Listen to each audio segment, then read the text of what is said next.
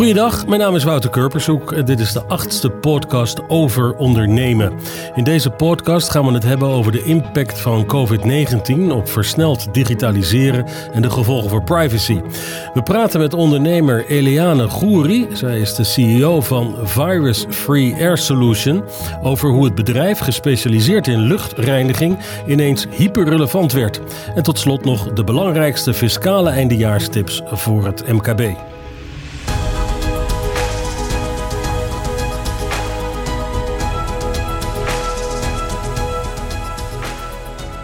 Aangeschoven is Menno, partner Tech and Privacy Law bij BDO. Uh, eh, Menno, welkom. Dankjewel. Ja, uh, digitalisering en privacy, uh, staat dat haaks op elkaar trouwens, of, of, of niet per se?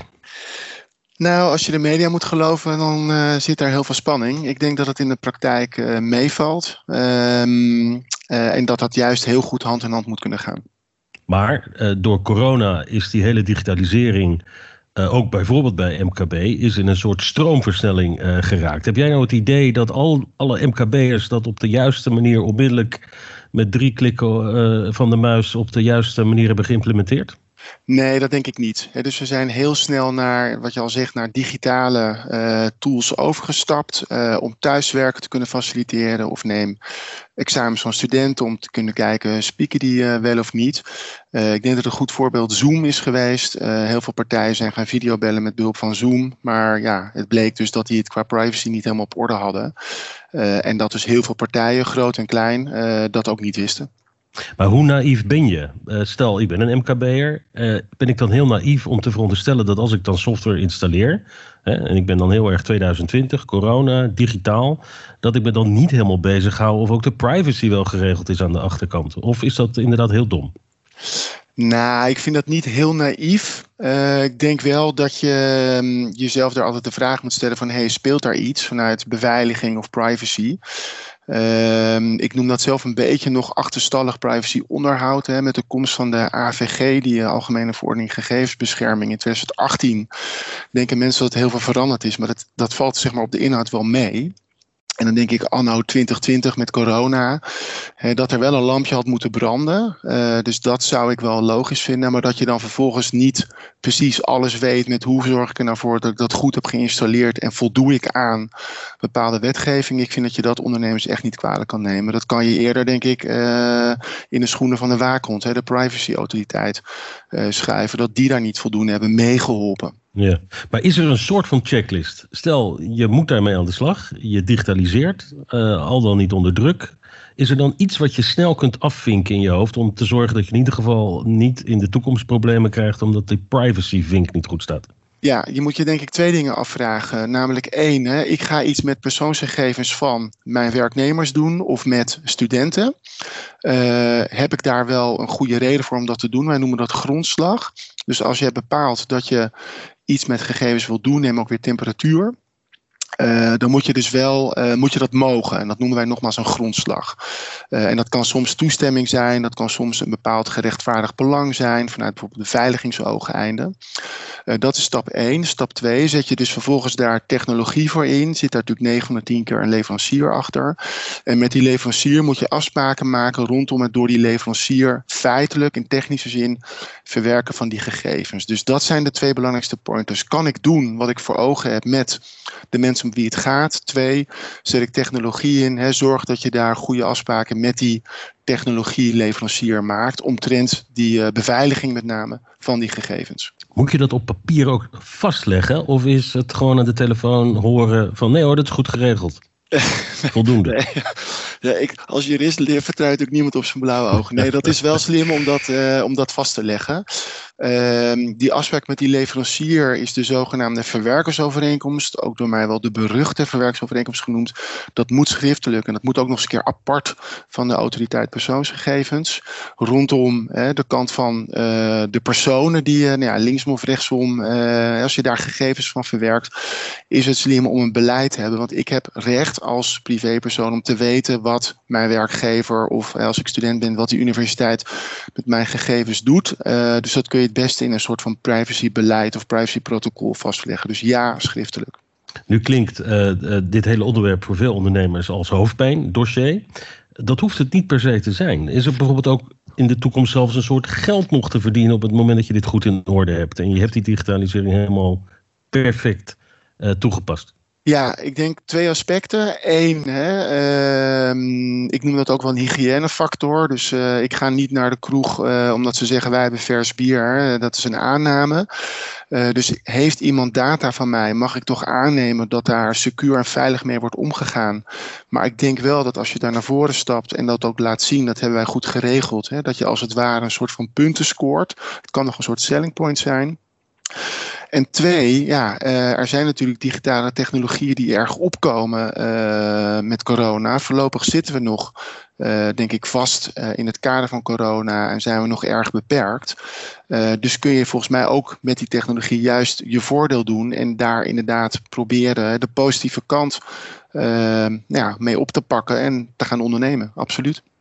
Dus eigenlijk zeg je samenvattend, we zijn pas net begonnen. Maar stap nou wel in de goede trein en zorg dat je kaartje op orde is, uh, zodat je ook uh, uiteindelijk succesvol op die eindbestemming uitkomt. Ik uh, kan het niet mooier zeggen dan dat je nu doet. Helemaal eens. Dankjewel, Menno. Menno Wij was dat partner Tech and Privacy Law bij BDO.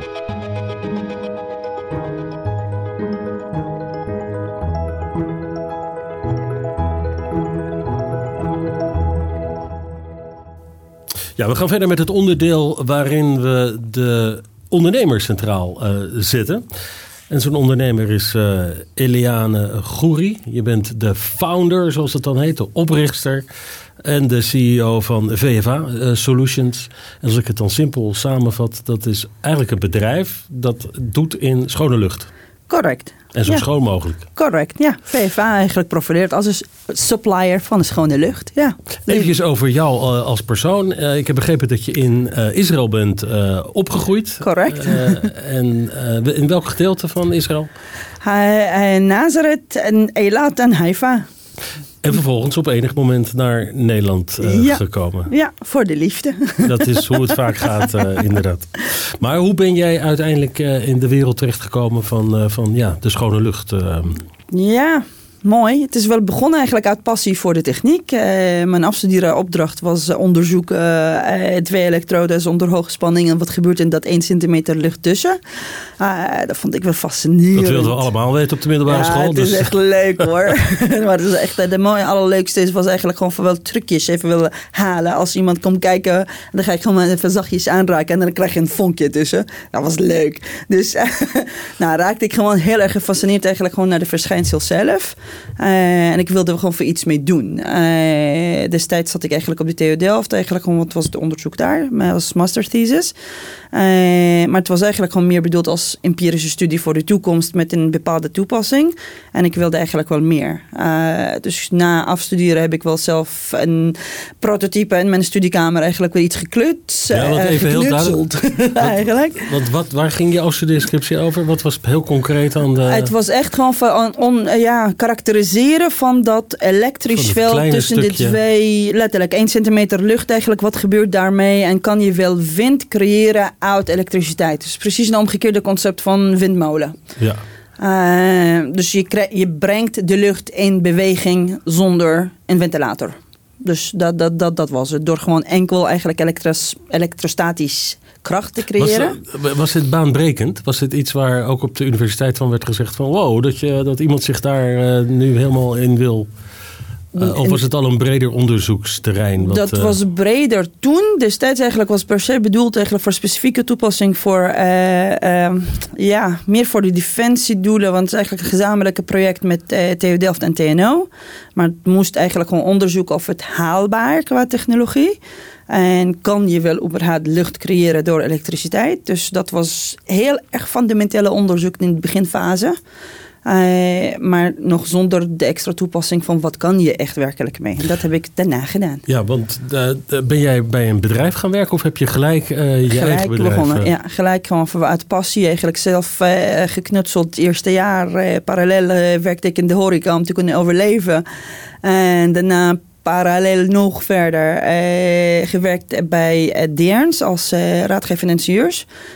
zat ik eigenlijk daar op die OBE-afdeling als een expert op het gebied van filtratie. Um, en zelf eigenlijk gewoon ondertussen, eigenlijk bijna op het eind van mijn afstuderen, heb ik al het concept al in mijn hoofd. Heb ik een businessplan geschreven. Een participatie, gewoon ja, competitie gedaan van uh, writing a business plan.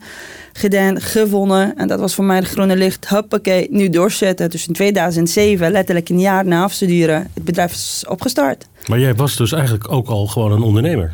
Uh, ja, het zit wel een klein beetje in de bloed. Uh, ook van vroeger van huis uit? Ja, ja, ja vanuit huis. Ja, mijn vader is eigenlijk gewoon van contractor en constructie. Mijn uh, broers en mijn moeder hadden een kinderdagverblijf. Dus het zit echt really in de bloed. Ondernemen. ja, absoluut. Bedenken, uitvoeren, ja. verkopen en weer, weer opnieuw beginnen. Ja. Is dat, uh, ja, was het vanaf het begin af aan gelijk uh, uh, succesvol? Mm. Behalve dat je moest overleven in die eerste fase om bij de horeca... Nee, ver, verre van, verre van. Het was in het begin eigenlijk, ik begon met een idee, met een concept. eerste stapjes die ik heb gemaakt is het concept wel even maken met een geknutselde prototype met een flesje Coca-Cola of wat dan ook met spelden en naainaaltjes en whatever. En het werkte. Ja, en wie liet je dat dan zien? Uh, diverse partijen, eerlijk gezegd. Inclusief TU maar heb ik ook gewoon van bijvoorbeeld een Philips en een, grotere partij, en TNO. Met dit idee, ik ben een uitvinder, laten we het samen wel opzetten. Maar het was zo fragiele concept en eigenlijk zo beginfase. Voor hun keek je naar eigenlijk, het is high risk. Dus Nee. Maar nog even voor de duidelijkheid. Want ik begrijp dat je je dus gespecialiseerd hebt in dat, dat, die centimeter lucht tussen twee elektroden. Als ik het goed heb begrepen. Maar wat, wat, wat, wat verkocht je tussen aanhalingstekens dan bij een Philips? Wat, wat kon je daar dan mee? Wat zei je dan tegen Philips of nou, een andere partij? Kijk, Philips of andere partijen hebben ook gewoon van luchtreinigers. Dus ik keek gewoon van naar wie kan eigenlijk mijn idee naar de grote massa eigenlijk wel brengen. En de meeste logische voor mij toen was inderdaad kijken naar wie is groot en heeft luchtreinigers in de gamma. En ik kom eigenlijk met mijn techniek en heb ik een innovatieve techniek die zij kunnen wel vertalen naar produceerbaar product. Maar goed, het was de prototype was zo fragiel, kleine dingetje en het botste eigenlijk met wat ze al hadden. Dus dan kunnen we die synergie toen niet vinden. Uh, daarbij, mijn focus was op de zorg eigenlijk. Terwijl dat zij waren gefocust op consumentenproducten. En daar hadden we gewoon van de mismatch. Uh, voor mij eigenlijk was keihard eigenlijk de focus ziekenhuizen, ziekenhuizen, ziekenhuizen. Naar aanleiding van dit is eigenlijk het gebouw waar alle ziekten van de hele wereld komt onder één dak. Ja, en schone dus lucht cruciaal is. Absoluut. Reinigen. Precies, dus, maar dat was heel moeilijk eigenlijk. Wanneer begon het, uh, when did you take off? De uh, echte, echte take-off is drie jaar geleden. Uh, dus het heeft wel tien, na tien jaar vanaf het start. ja. Uh, pas echt letterlijk drie jaar geleden. Daarvoor, Wat gebeurde er? Die, die, die bewustwording eigenlijk uh, rigor, met betrekking tot fijnstof, stikstof. Die terminologie is eindelijk kwam eigenlijk tot leven in de markt. Dus alle jaren, ik zeg eigenlijk, we begonnen met de naam virus air. Dus we halen alle troep uit de lucht, zo klein zelfs de virussen. Uh, maar fijnstof, ik roep fijnstof, ik roep aerosolen, ik roep uh, deeltjes. Hey, geen niemand heeft geen flauw idee wat, ik, wat heb ik het over überhaupt. Maar dat dus is op een gegeven moment veranderd. En dat is veranderd met de wetgeving en meer aandacht in de markt van wat is fijnstof. Oh, oh, oh, het is wel gevaarlijk, we moeten wel iets aan doen. Toen eigenlijk was de shift naar hoppakee, nu eigenlijk exponentiële eh, groei. Ging je nog steeds de markt op met je idee of had je ook al producten die eraan gekoppeld waren? Nou, ik heb eigenlijk mijn core idee vertaald inmiddels nu naar tientallen producten. Maar die je zelf hebt, of heb je daar paar grote partijen nee, bij? Nee, nee, nee, het is mijn producten. Volledig onze technologieën, eh, eigen producten, eigen alles.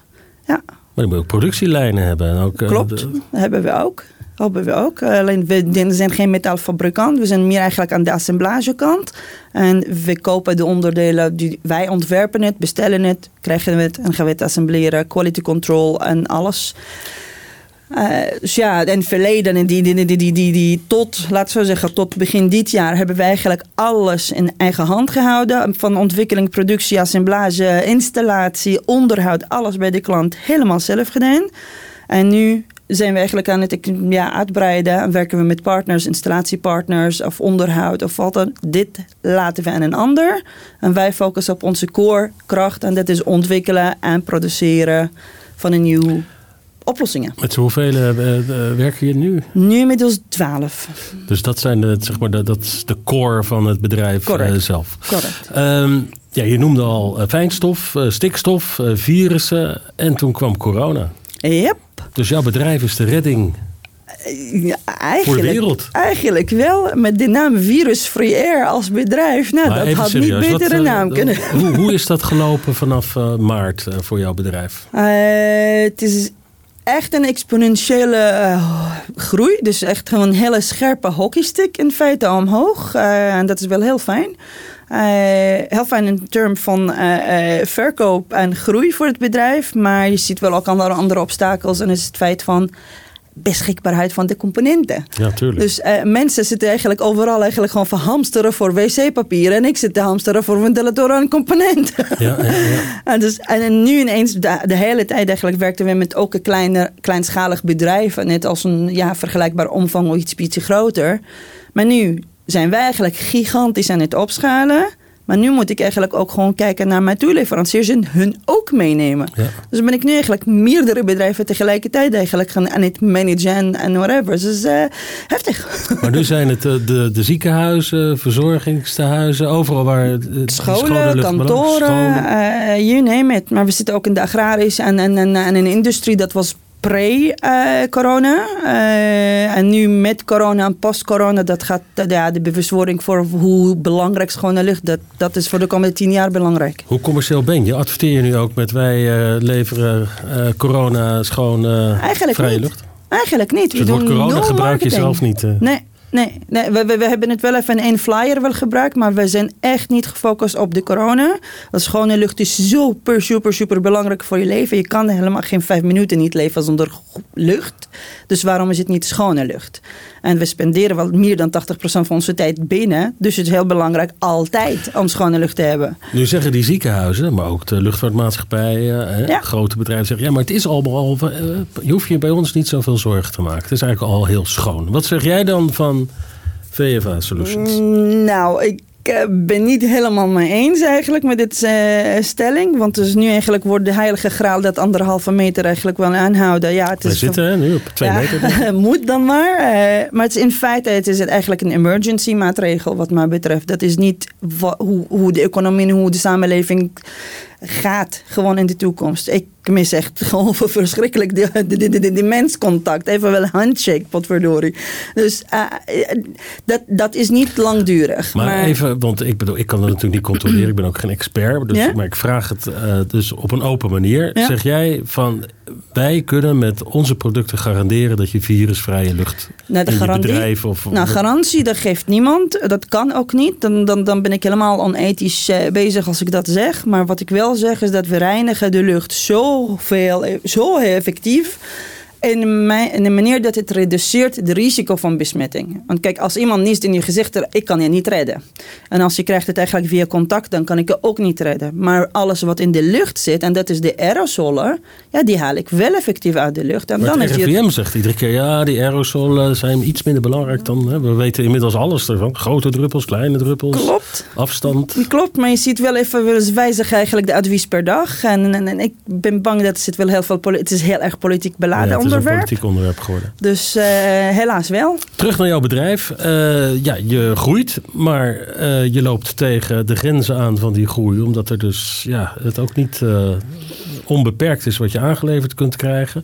Wat is op dit moment de grootste bottleneck? Dat er toch nog grenzen dicht zitten? Of dat er Nee. onvoldoende gewerkt kan worden? Nou, val- val- valt mij in de grenzen. Dat is niet een issue. Dan kan je eigenlijk met prognoses en alles eigenlijk vooraf even wel dingen regelen. Wij ook gewoon outsourcen niks naar Verre Oosten of wat dan ook. Eigenlijk doen we alles eigenlijk in in-house en dichtbij. Bij echt lokale fabrikanten met name of om de buren. Of het Frankrijk of Duitsland of eh, België. Dus heel dichtbij. Eh, dus dat is niet een issue. De issue is inderdaad opschalen eigenlijk qua mensen. Van het vinden van de geschikte mensen. Die kunnen ook gewoon snel iets doen. Eh, maar ook de toeleveranciers. Ja. Dus de, de toeleveranciers die we meewerkten, die waren klein. Nu zijn ze ook aan het opschalen. Maar ja, Maar ze moeten kunnen ze net zo snel als wij. in jouw geloof, hè? Pardon? Ze moeten die toeleveranciers die je eigenlijk mee wil nemen Klopt. en op die trein wil zetten. Klopt helemaal. Die moeten wel geloof en vertrouwen hebben. Klopt helemaal. En hoe doe je dat? Nou, afnamegarantie. Dus dan gaat het. dus dan kom je eigenlijk met een afname. Met, ik geef van de afnamegarantie. Dan gaan zij wel opschalen. maar dat ja. betekent dat ik moet ook gewoon de cashflow gezond blijven. En je bent weer naar de bank toe. Eh, eigenlijk tot nu toe niet. Gelukkig niet. nou, dat is al helemaal ideaal. Tot nu toe niet. Wat, even eh, een vraag, en je mag even eh, onbeleefd zijn. Wat maakt jou een goede ondernemer? Als jij kijkt naar die afgelopen jaren sinds je afstuderen tot nu. Ik denk de hoofdzakelijke ding is doorzetvermogen en geloof aan wat ik doe. Ik, ik zag het wel gewoon gebeuren. Had ik de visie altijd van clean air everywhere. Dat was altijd mijn, mijn, mijn, mijn, mijn visie en mijn ambitie. Ja, de markt werkte niet mee. Ik ga toch wel door. Prima. Deze markt gaat niet open. Ziekenhuizen zien het niet. Nou, fijn. Dan ga ik naar de industrie. Niet, dan ga ik naar de agrarisch. Gewoon de lucht is voor iedereen overal belangrijk. Dus gewoon voor wel open visie geloof in wat je doet. En ja, gewoon heel flexibel met, met de markttrend eigenlijk omgaan. Wat is de volgende stap? Eh, exponentiële groei. maar dat- wel met hetzelfde type product. Dus niet nog Absoluut. iets, iets spannends, nieuws. Nee, nee, nee. nee. De- de- de- de- kijk, voor ons eigenlijk blijft continu eigenlijk ontwikkelen. Wij, wat we nu eigenlijk doen, de ontwikkeling is niet enkele product, maar we benaderen de markt eigenlijk als een product-marktcombinatie.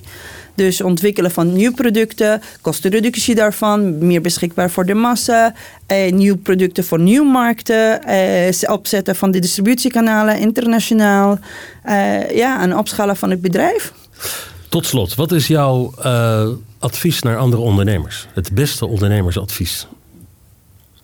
Focus op je kracht en geloof in wat je doet. En neem je team en je toeleveranciers en partners met de groei mee.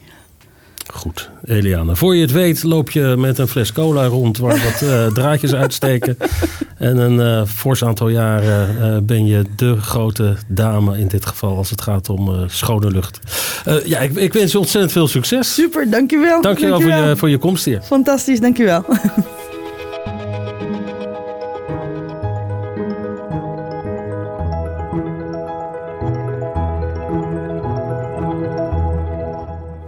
Het einde van het jaar nadert. Het is tijd voor de eindejaarstips. Gerard Staats, eh, manager bureau vaktechniek eh, bij BDO. Jullie zijn de wetenschappelijke afdeling eh, van BDO, heb ik me wel eens laten vertellen, toch? Ja, klopt. Wij eh, met een aantal collega's, ieder vanuit zijn eigen discipline, eh, bedient onze organisatie. Dus kijk, wat, wat verandert er? Wat is belangrijk voor onze klanten? Wat is belangrijk voor onze collega's om te weten? En inderdaad, eh vele van ons zijn ook verbonden aan universiteiten. Dus op academisch niveau. Maar uiteraard dalen we ook af tot de praktijk. Het mag duidelijk zijn om zo goed mogelijk de organisatie en de klanten van dienst te zijn. Als we het hebben over die eindejaarstips. eh, eh, was het lastig om een lijstje te maken? Of zeg je nee, er is een aantal springen er echt wel uit? Nou, kijk, die eindejaarstips, ieder jaar weer maken we die, omdat we merken dat die toch gewoon gewaardeerd worden. Het is eh, toch even de aandacht erop van, oké, wat, wat, wat kan ik nu nog doen dit kalenderjaar om mijn fiscale positie te verbeteren? Eh, er zijn er natuurlijk tips die ieder jaar eigenlijk weer terugkomen. Maar ja, eigenlijk moet je ook kijken van oké, wat is er gewijzigd het afgelopen jaar? En ook nu hebben we toch een aantal dingen weer naar voren gebracht eh, die van belang zijn. Ja, we hebben het teruggebracht naar drie. We hebben het teruggebracht naar drie. En eh, de drie die ik zeg maar, nu even met, eh, met je wil bespreken gaan over de wet ex- excessief lenen. Die gaan over de wijziging in de overdrachtsbelasting. En die gaan over de wijziging in de verliesverrekeningstermijnen. Oké, laten we dan maar gelijk met die eerste beginnen. De wet excessief lenen. Ja, klopt. De wet excessief lenen is, eh de wetsvoorstel daartoe is, eh, is, is gepubliceerd. Ehm, de wet moet ingaan in 2023. En, en het is een wetswijziging die heel veel aandacht krijgt. eh, voor, ook voor, ja, vooral voor ondernemers. Komt kort en goed hierop neer. Een DGA kan lenen bij zijn BV. En dat blijft ook zo. Alleen als dat meer wordt dan 500.000 euro vanaf 2023, wordt het meerdere gezien als een dividenduitkering. Er zit een plafond aan. In het plafond aan. Nou, ehm, is 2023, maar we hebben nu te maken met de huidige situatie. En daarom wil ik even eh, toch de ondernemer erop wijzen van... goh, kijk nu alvast naar je positie. Kijk nu alvast naar het feit van... oké, hoeveel heb ik nu geleend bij mijn BV? Wat zegt dat wetsvoorstel nu precies? En begin nu al om Um, om dat aan te zuiveren, om die schuldpositie om die te verlagen. Zodat je in de toekomst niet tegen, het is nu 26,25 procent het tarief waar je tegen af zou moeten rekenen, maar straks wordt het zelfs 26,9 procent. En wie weet gaat dat tarief aanmerkelijk belang, hè, waartegen je belast wordt, gaat misschien nog wat omhoog. Dus ga nu al aan de slag om je schuldenpositie af te bouwen. Ja, dat is dus de praktische tip. Kijk hoe je dus minder schuld bij je eigen BV uh, uh, creëert. Is dat overigens iets waar veel ondernemers uh, een beetje te gemakkelijk over nadenken? Van oh, dat komt allemaal nog wel eens ooit? Ja, dat, is wel de praktijk. Tenminste, de praktijk is natuurlijk wel dat de verhouding tussen de ondernemer en zijn BV, daar wordt wel eens te makkelijk over, over gedacht. Ik kan me dat voorstellen. De ondernemer weet van, dit is mijn BV, hè, dus het is ook mijn geld. Maar ja, je hebt gewoon te maken toch met een aparte rechtspersoon. Dus um, ja, 2023 klinkt misschien nog ver weg. Maar kijk daar goed, goed nu naar en ga er nu mee aan de slag. Tweede punt, dat was uh, de verliesrekening uh, wijzigen in termijnen. Ja, klopt. Uh, kijk, uh, per 1 januari wijzigen in de vennootschapsbelasting wijzigen de verliesverrekeningstermijnen. Wat betekent dat? Kijk, in principe belasten we in Nederland de totaalwinst. Dat betekent dat alle winst die je maakt in de loop der jaren van je onderneming wordt belast dat is, een, dat is wel een, een, netto begrip. Met andere woorden, je maakt winst, maar je leidt ook verliezen hè, of je maakt kosten. Dus dat kun je met elkaar salderen. En wat er dan overblijft, die totaalwinst, die zou moeten worden belast. Alleen dat doen we in Nederland niet helemaal correct. Al jaren niet. Dat is al heel lang weerstand tegen. Want we zeggen, ja, die verliezen die je leidt zijn beperkt aftrekbaar.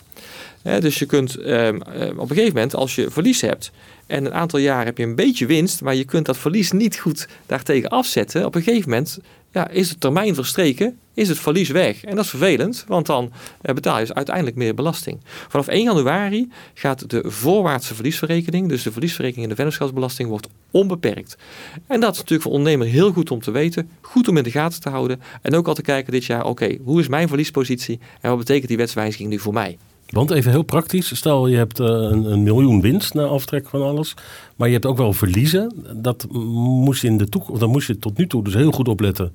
Uh, op welk moment je daarmee eigenlijk aan de gang uh, ging. En nu is de druk van de ketel. Nu is de druk wordt, gaat meer van de ketel inderdaad. De voorwaartse verliesverrekening wordt onbeperkt. Uh, er zijn wat limieten gesteld. Een beetje te technisch om daar hier nu op in te gaan. Maar in de kern voor de meeste ondernemers in de VPB betekent dat een onbeperkte verliesverrekening naar de toekomst toe. Dat goed is dus nieuws. dus goed nieuws. Goed nieuws. Derde punt qua tip. De wijzigingen in de overdrachtsbelasting. Ja, dat, eh, dat is uh, met, met, uh, met het belastingplan natuurlijk misschien wel de, de belangrijkste wetswijziging of de opmerkelijkste wetswijziging geweest. Maar het betekent wel wat. Dat betekent namelijk dat mensen wel dit jaar, hè, 2020, nog aan de slag moeten daarmee. Uh, de overdrachtsbelasting voor startende huizenkopers in de leeftijdscategorie tussen 18 en 35, die verdwijnt. Dus als je van plan bent om een huis te kopen, en je bevindt je in de categorie tussen 18 en 35, ja, dan zou je misschien kunnen denken van nou, dan moet ik vooral dit jaar niet doen.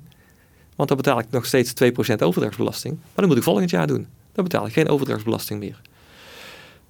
Maar als jij um, van plan bent om een pand te kopen wat je niet als eigen woning wilt gaan gebruiken, je belegt hè, als ondernemer, komt natuurlijk vaak voor dat ze beleggen in panden, in vastgoed, ja, dan gaat het tarief van de, van overdrachtsbelasting gaat omhoog van 6 naar 8 procent. En dat is natuurlijk fors. En dus daarvoor geldt van ja, wil je panden nu nog dit jaar aanschaffen of wil je nog iets gaan doen met, met panden die je al hebt, waardoor je overdrachtsbelasting verschuldigd hebt, ja, doe dat dan vooral in 2020. Want in 2021 ga je 2% extra betalen. Dus die wetswijziging die verdient echt aandacht nog in 2020 en kan ertoe leiden dat je juist nu dit jaar niet moet acteren en kan ertoe leiden dat je dit jaar juist wel moet acteren, afhankelijk van de positie die je hebt. Tot slot, ehm, eh, los van de tips. Uh, we zijn zo'n beetje aan het einde van het, het corona-jaar. Hebben jullie nu bij BDO naar de praktijk kijkend, bij al die ondernemers, het idee dat al die fiscaliteiten ondersneeuwen bij de kopzorgen over corona, waar je gewoon volgende week een probleem hebt en dat wil je oplossen. En zeg je, daarom zijn die tips ook zo belangrijk, omdat die een veel grotere en langduriger waarde hebben dan nu al die korte termijn zorgen die je wellicht hebt als ondernemer. Ja, ik zou misschien juist zeggen van juist nu is de tijd om daar eens goed naar te kijken. Want ik denk dat veel ondernemers het heel lastig hebben. Inderdaad, uh, met de dag leven nu, hoewel dat eigenlijk niet kan. Maar uh, ja, corona is er gewoon bijgekomen. En uh, die eindejaarstip blijven hun belang houden. En misschien juist nu meer dan ooit. Hè, kijk welk voordeel je eventueel nog kunt incasseren dit jaar. En dat draagt ook bij tot een betere positie van je, voor jezelf, van je onderneming. En je kom je waarschijnlijk ook beter die coronacrisis door. Ehm, er is een website, bdo.nl slash eindejaarstips. Daar staan nou ja, deze, maar ook alle andere tips uh, netjes opgezond. Tientallen tips, uh, meer dan 100 tips staan daar uh, weer voor alle um, um, ondernemers en ook overigens privépersonen zijn daar terug te vinden. Goed, ga daar eens kijken. bdo.nl slash eindejaarstips. Gerard Staats, dankjewel. Graag gedaan. We zijn weer aan het einde gekomen van deze achtste aflevering van de podcast over ondernemen. In de vorige afleveringen sprak ik onder andere met professor Percy Heugens over de uitkomsten van wetenschappelijk onderzoek naar het geheim van de eeuwige jeugd van oudere familiebedrijven. Ik ging in gesprek met Benno Lezer over hoe hij zijn bedrijf Gazan Diamonds als een ware groeibriljant leidt en we spraken over het huidige turbulente financieringslandschap. Wil je nu niks missen? Je dan op dit kanaal. Wat ons betreft tot een volgende aflevering.